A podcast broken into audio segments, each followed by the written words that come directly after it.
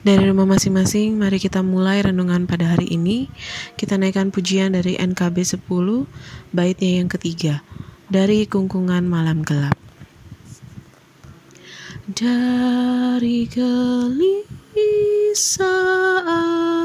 sesat, Yesus Tuhan,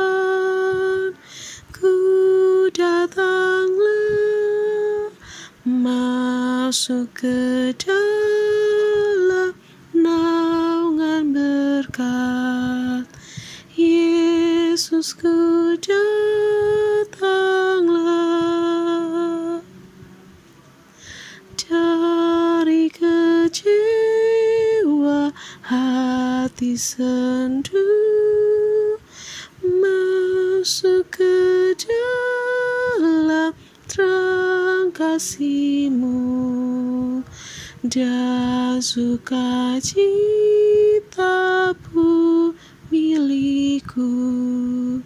Yesusku datanglah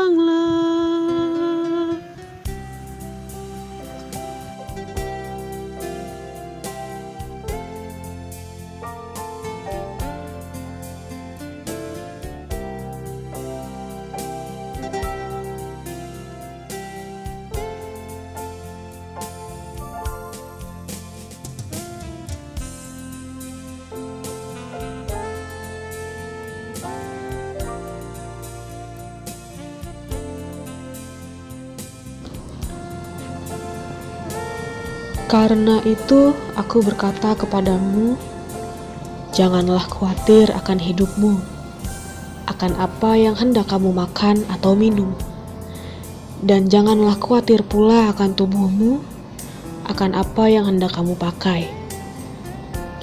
Bukankah hidup itu lebih penting daripada makanan, dan tubuh itu lebih penting daripada pakaian?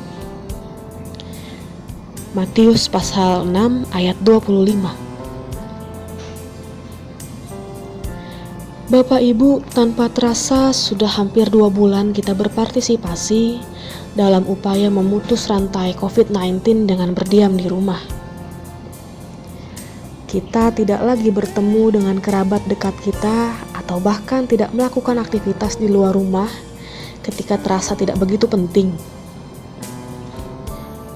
Mungkin pada awalnya kita merasa hanya perlu sedikit bersabar Situasi ini akan berakhir pada waktunya. Namun, semakin lama, semakin banyak dampak yang lebih kompleks. Kita kehilangan orang yang kita kasihi.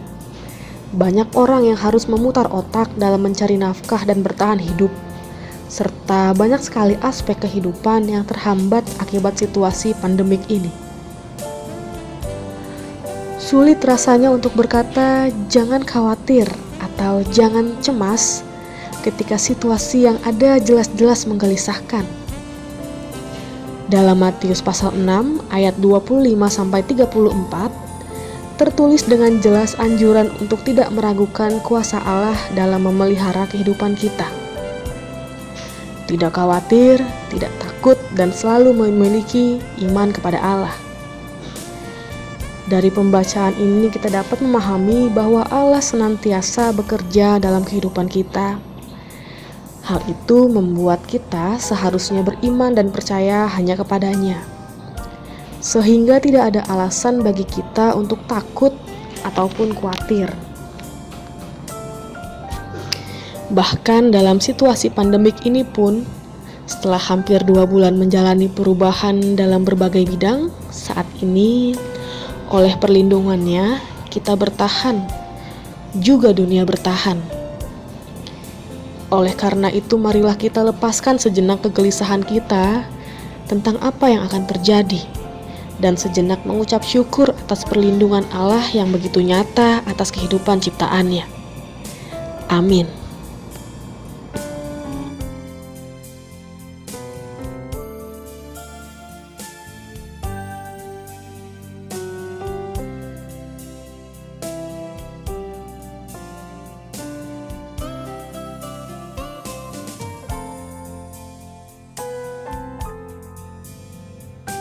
Mari kita berdoa. Terima kasih ya Tuhan karena sampai saat ini kami terus dapat merasakan perlindungan-Mu bagi kehidupan dunia. Amin. Demikian renungan pada hari ini, kiranya Tuhan Yesus memberkati.